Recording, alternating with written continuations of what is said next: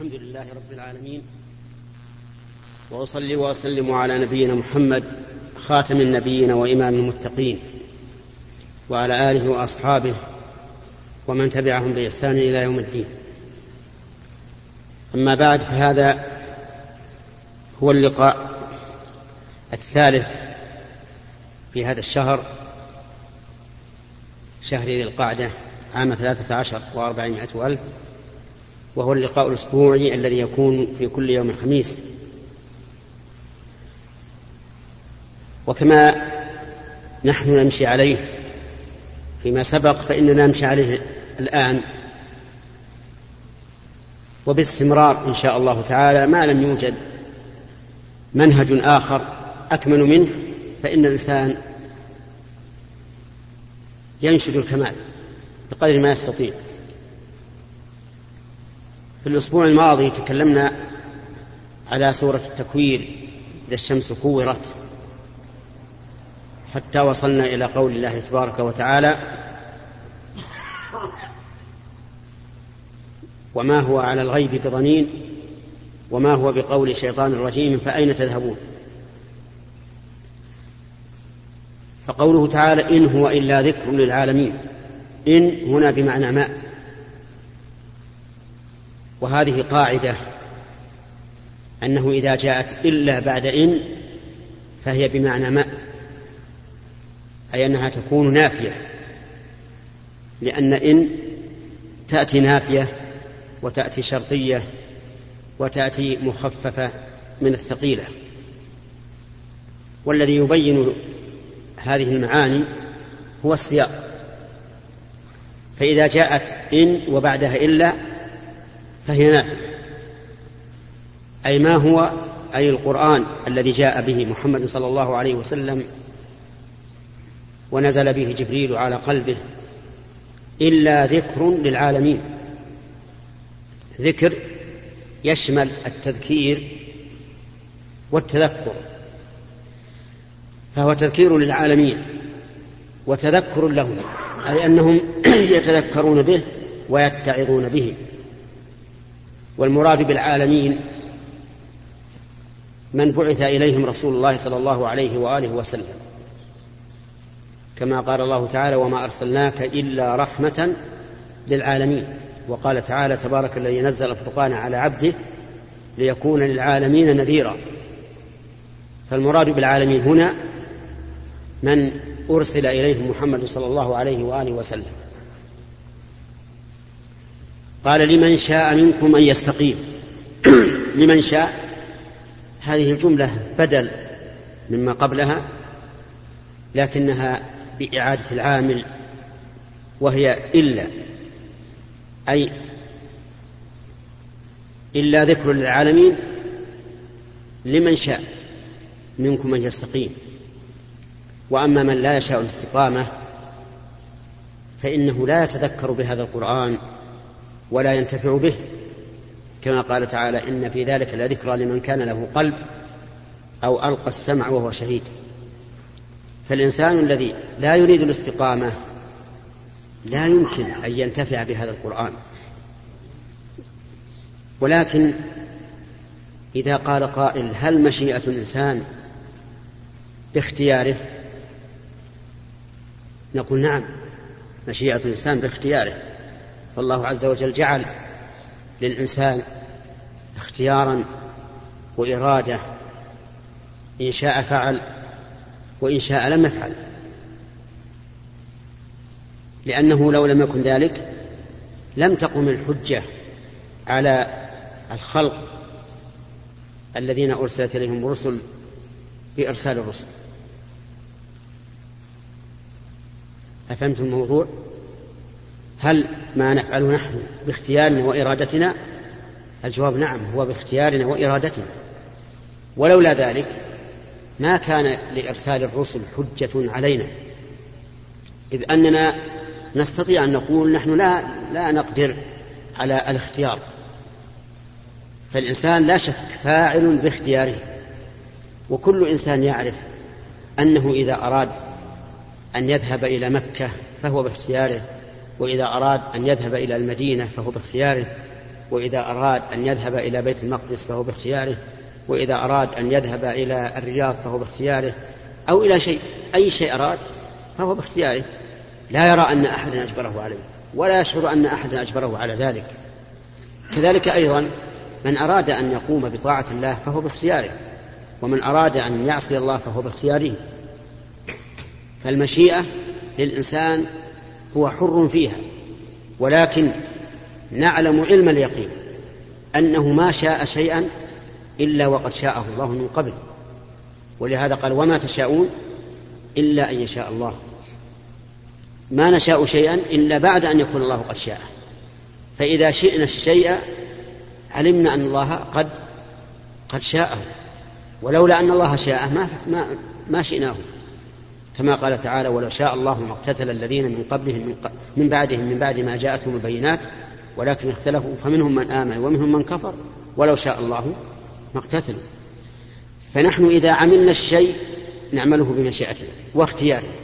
ولكن نعلم أن هذه المشيئة والاختيار كانت بعد مشيئة الله عز وجل. ولو شاء الله ما فعلنا. فإن قال قائل إذن لنا حجة في المعصية لأننا ما شئناها إلا بعد أن شاء الله. فالجواب أنه لا حجة لنا لأننا لم نعلم أن الله شاءها إلا بعد أن فعلناها وفعلنا إياها باختيارنا. ولهذا لا يمكن أن نقول إن الله شاء كذا أو شاء كذا إلا بعد أن أن يقع. فإذا وقع فبأي شيء وقع؟ وقع بإرادتنا ومشيئتنا. لهذا لا يتجه أن يكون للعاصي حجة على الله عز وجل. وقد أبطل الله هذه الحجة في قوله سيقول الذين أشركوا لو شاء الله ما أشركنا ولا آباؤنا ولا حرمنا من شيء كذلك كذب الذين من قبلهم حتى ذاقوا بأسنا.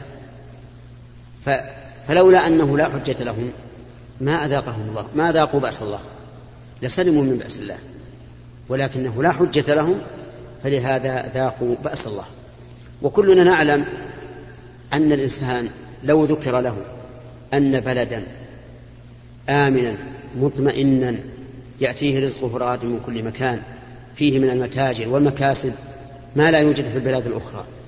وأن بلدا آخر بلد خائف غير مستقر مضطرب في الاقتصاد مضطرب في الخوف والأمن.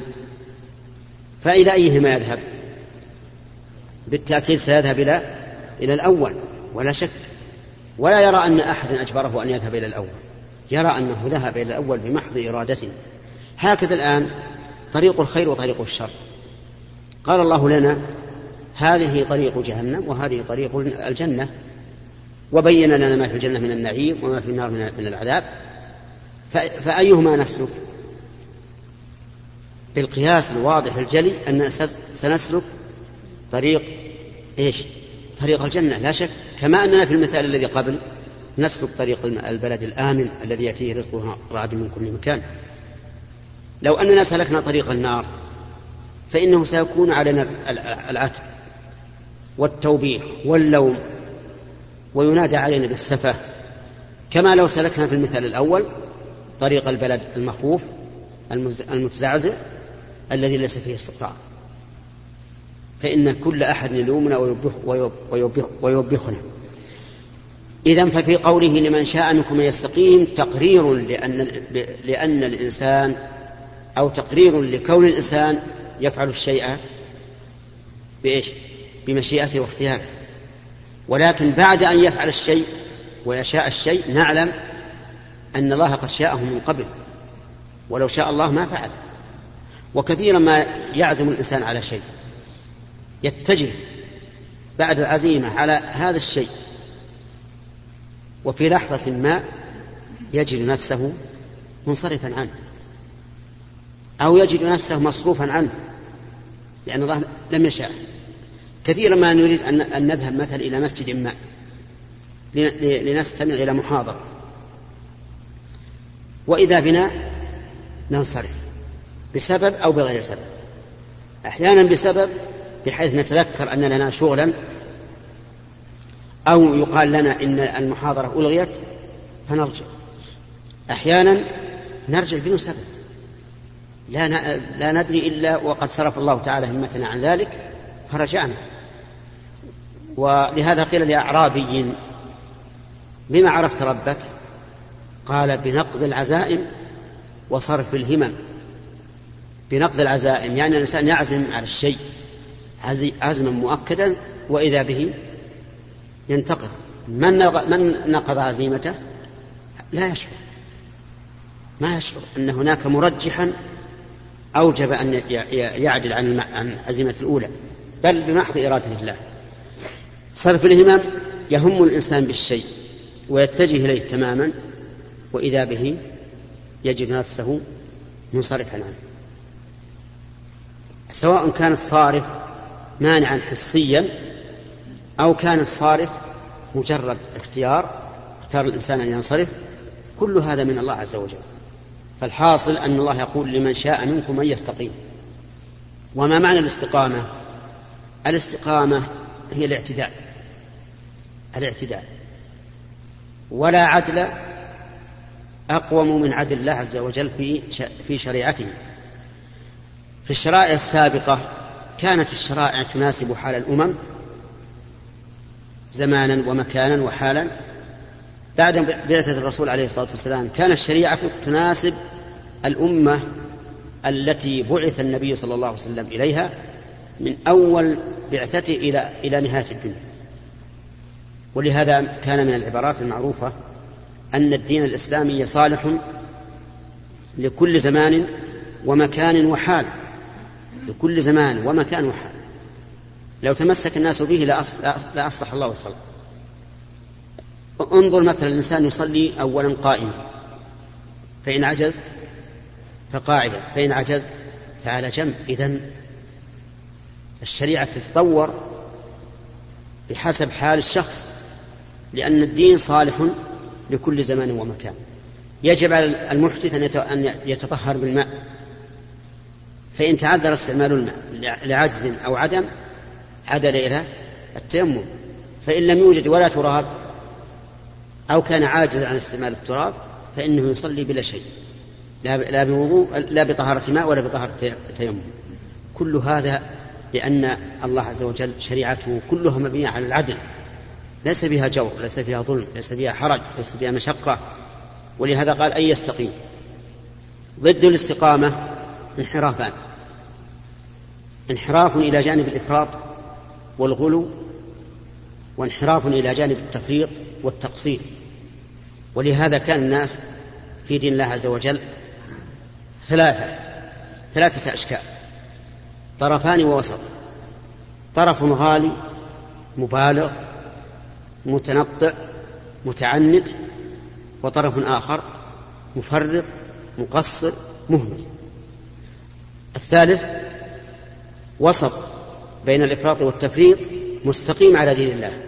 هذا هذا هو الذي يحمد أما الأول والثاني والثاني الأول الغالي والثاني الجافي فكلاهما هالك. هالك بحسب ما عنده من الغلو أو من التقصير. وقد نهى النبي عليه الصلاة والسلام عن الغلو والإفراط والتعنت والتنطع حتى إنه قال هلك المتنطعون هلك المتنطعون هلك المتنطعون.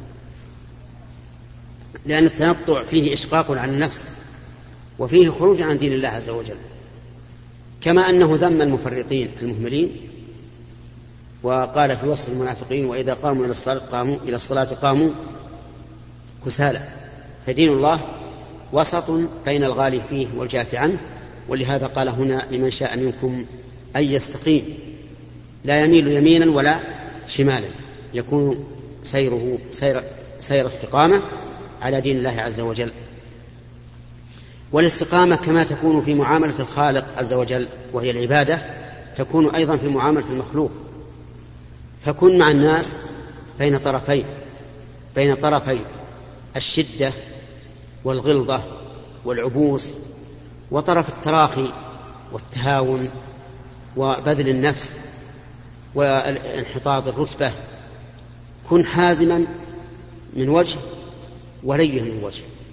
ولهذا قال الفقهاء رحمهم الله في القاضي ينبغي أن يكون لينا من من غير ضعف قويا من غير عنف فلا يكون لينه يشطح به إلى الضعف ولا قوته إلى العنف. يكون بين ذلك. لينا من غير ضعف قويا من غير عنف حتى تستقيم الأمور. فبعض الناس مثلا يعامل الناس دائما بالعبوس والشدة وإشعار نفسه بأنه فوق الناس وأن الناس تحته. هذا خطأ. ومن الناس من يكون من يحط قدر نفسه. ويتواضع إلى حد التهاون وعدم المبالاة بحيث يبقى بين الناس ولا حرمة له وهذا أيضا خطأ. فالواجب أن يكون الإنسان بين هذا وبين هذا. كما هو هدي النبي صلى الله عليه وآله وسلم فإنه عليه الصلاة والسلام يشتد في موضع الشدة ويلين في موضع اللين. فيجمع الإنسان هنا بين الحزم والعزم واللين والعطف والرحمة. لمن شاء منكم أن يستقيم وما تشاءون إلا أن يشاء الله رب العالمين. يعني لا يمكن أن تشاءوا شيئا إلا وقد شاء الله من قبل. فأنا مشيئتي الآن أن أحدثكم وأتحدث إليكم.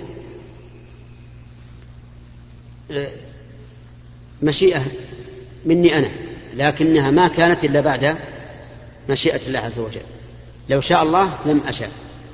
ولو شاء الله ما ك... ولو شاء الله أن لا يكون الشيء ما كان ولو أش... ولو شئته.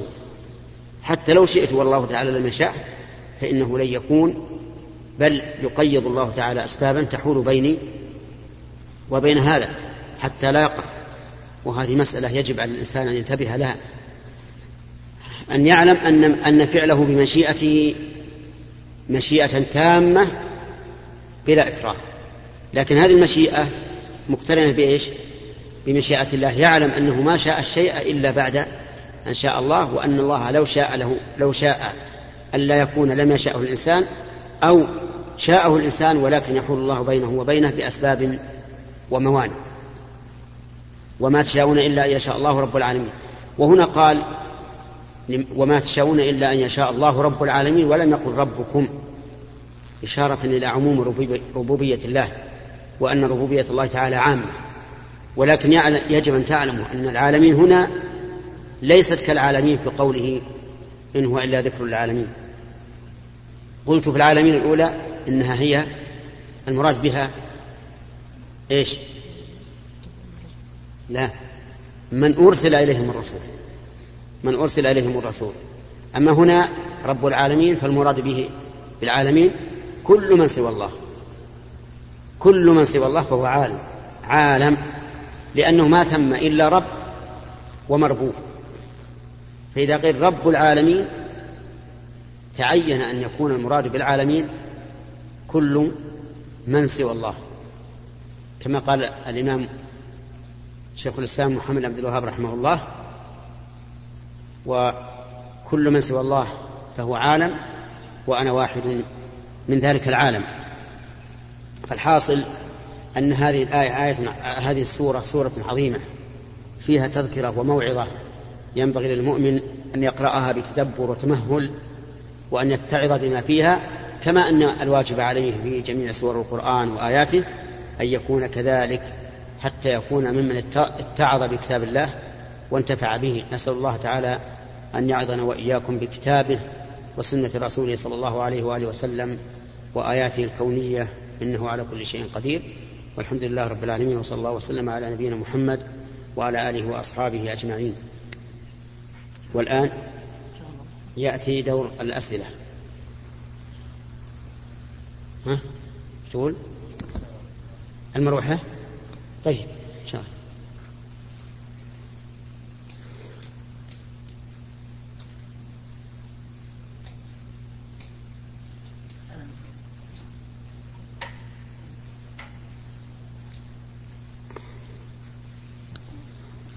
بسم الله الرحمن الرحيم.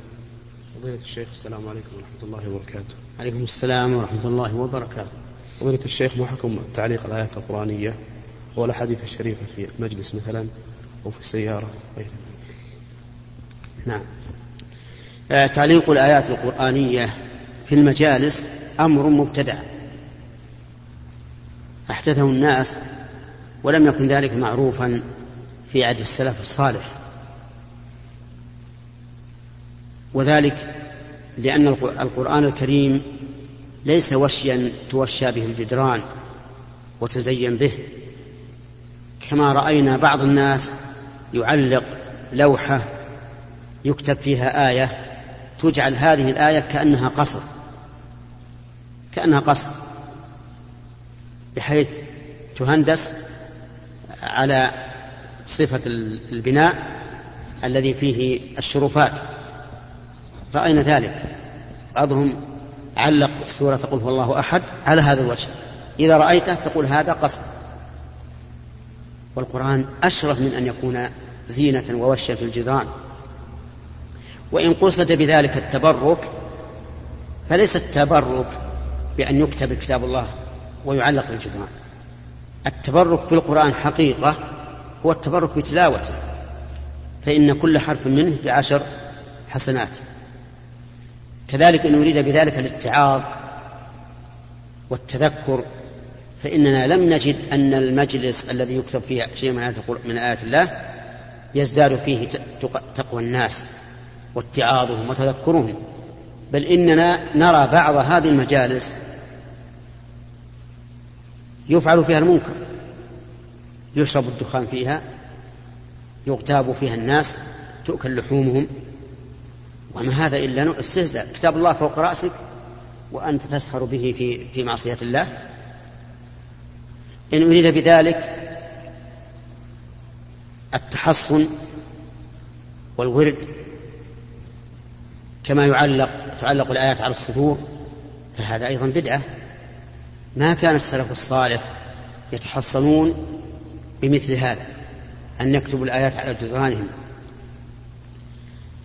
وهذا الأخير يعني أن يقصد به التحصن يوجب أن الإنسان يعتمد على ذلك ولا يقرأ هو بنفسه الآيات التي فيها التحصين. مثل آية الكرسي من قرأها في ليلة لم يزل عليه من الله حافظ ولا يقربه شيطان حتى يصبح. ومثل الآيتين الأخيرتين في سورة البقرة من قرأهما في ليلة كفتاه. تجد الإنسان يعتمد على ما كتبه في هذا المجلس أو في مقدم البيت مدخال البيت ويقول الآن احتمى البيت بما كتب فيه من الآيات ويعرض عن التحصين الحقيقي الذي هو في التلاوة. لذلك نرى أن لا تعلق هذه الآيات على الجدر. أما الأحاديث فإذا علق ما يناسب المقام مثل أن يعلق كفارة المجلس. فهذا لا بأس به لأن هذا تذكير وينتفع به الناس. فالإنسان إذا رأى مكتوبا في عند باب المجلس كفارة المجلس أن يقول سبحانك اللهم ربنا وبحمدك اللهم اغفر لي فإنه يتذكر هذا ويقوله. كذلك التعليق في السيارات.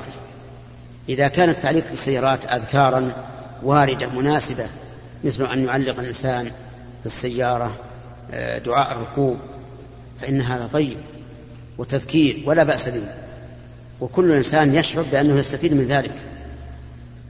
ويا حبذا لو كانت الكتابة بحرف مكبر بحيث يقرأه من في الخلف لأن هذه الكتابة الصغيرة لا يقرأها إلا من كان إلى جانبها إلا من كان إلى جانبها هو الذي يقرأها. أما من كان في الخلف فلا يستطيع قراءتها فلو جعلت في خط كبير إذا أمكن حتى يقرأها من في الخلف لكان هذا طيبا. بسم الله الرحمن الرحيم.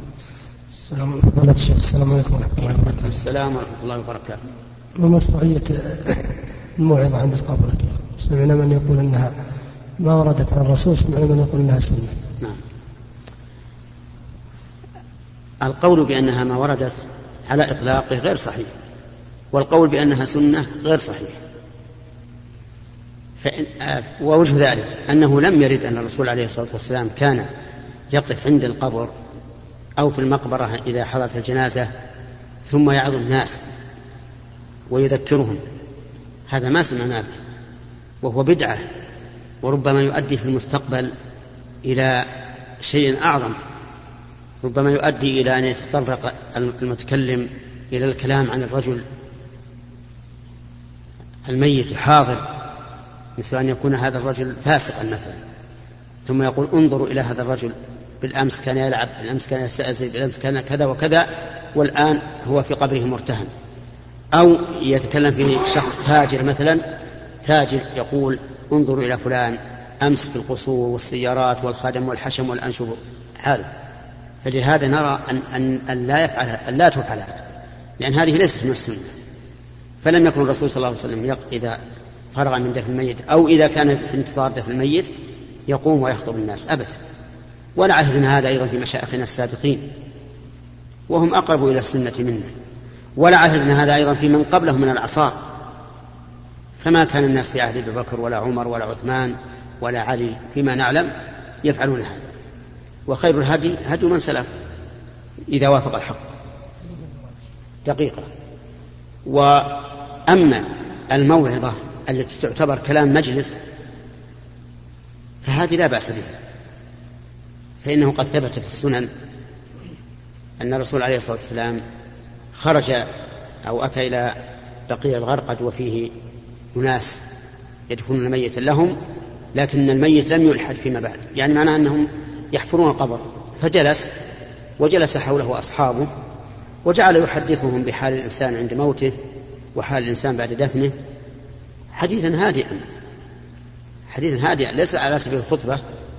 وكذلك أيضا ثبت عنه في الصحيحين وغيرهما أنه جلس على شفير قبر ابنته وهي تدفن فقال عليه الصلاة والسلام ما منكم من أحد إلا وقد كتب مقعده من الجنة ومقعده من النار. قالوا يا رسول الله ففيما العمل؟ إذا قال أعملوا فكل ميسر لما خلق له. فالحاصل أن الموعظة هي نعم. نعم. السلام ورحمة الله وبركاته. جزاك الله بالخير خير. الله يحفظك أن قيام الإنسان يخطب هذا لا شك أنه ليس من السنة ولا ينبغي. لما عرفت من مما سيحدث في, في المستقبل. وأما الموعظة مثل إنسان جالس وحوله أصحابه أو صار يتكلم بما يناسب فهذا طيب. اقتداء برسول الله صلى الله عليه وسلم. نعم. بسم الله الرحمن الرحيم. فضيلة الشيخ كيف نجيب عما في الحديث أن الدعاء يرد القدر مع أن الأمور جميعها مقدرة قبل خلق السماوات والأرض؟ نعم. نجيب بأن الله سبحانه وتعالى مقدر للأشياء قبل خلق السماوات والأرض بخمسين ألف سنة.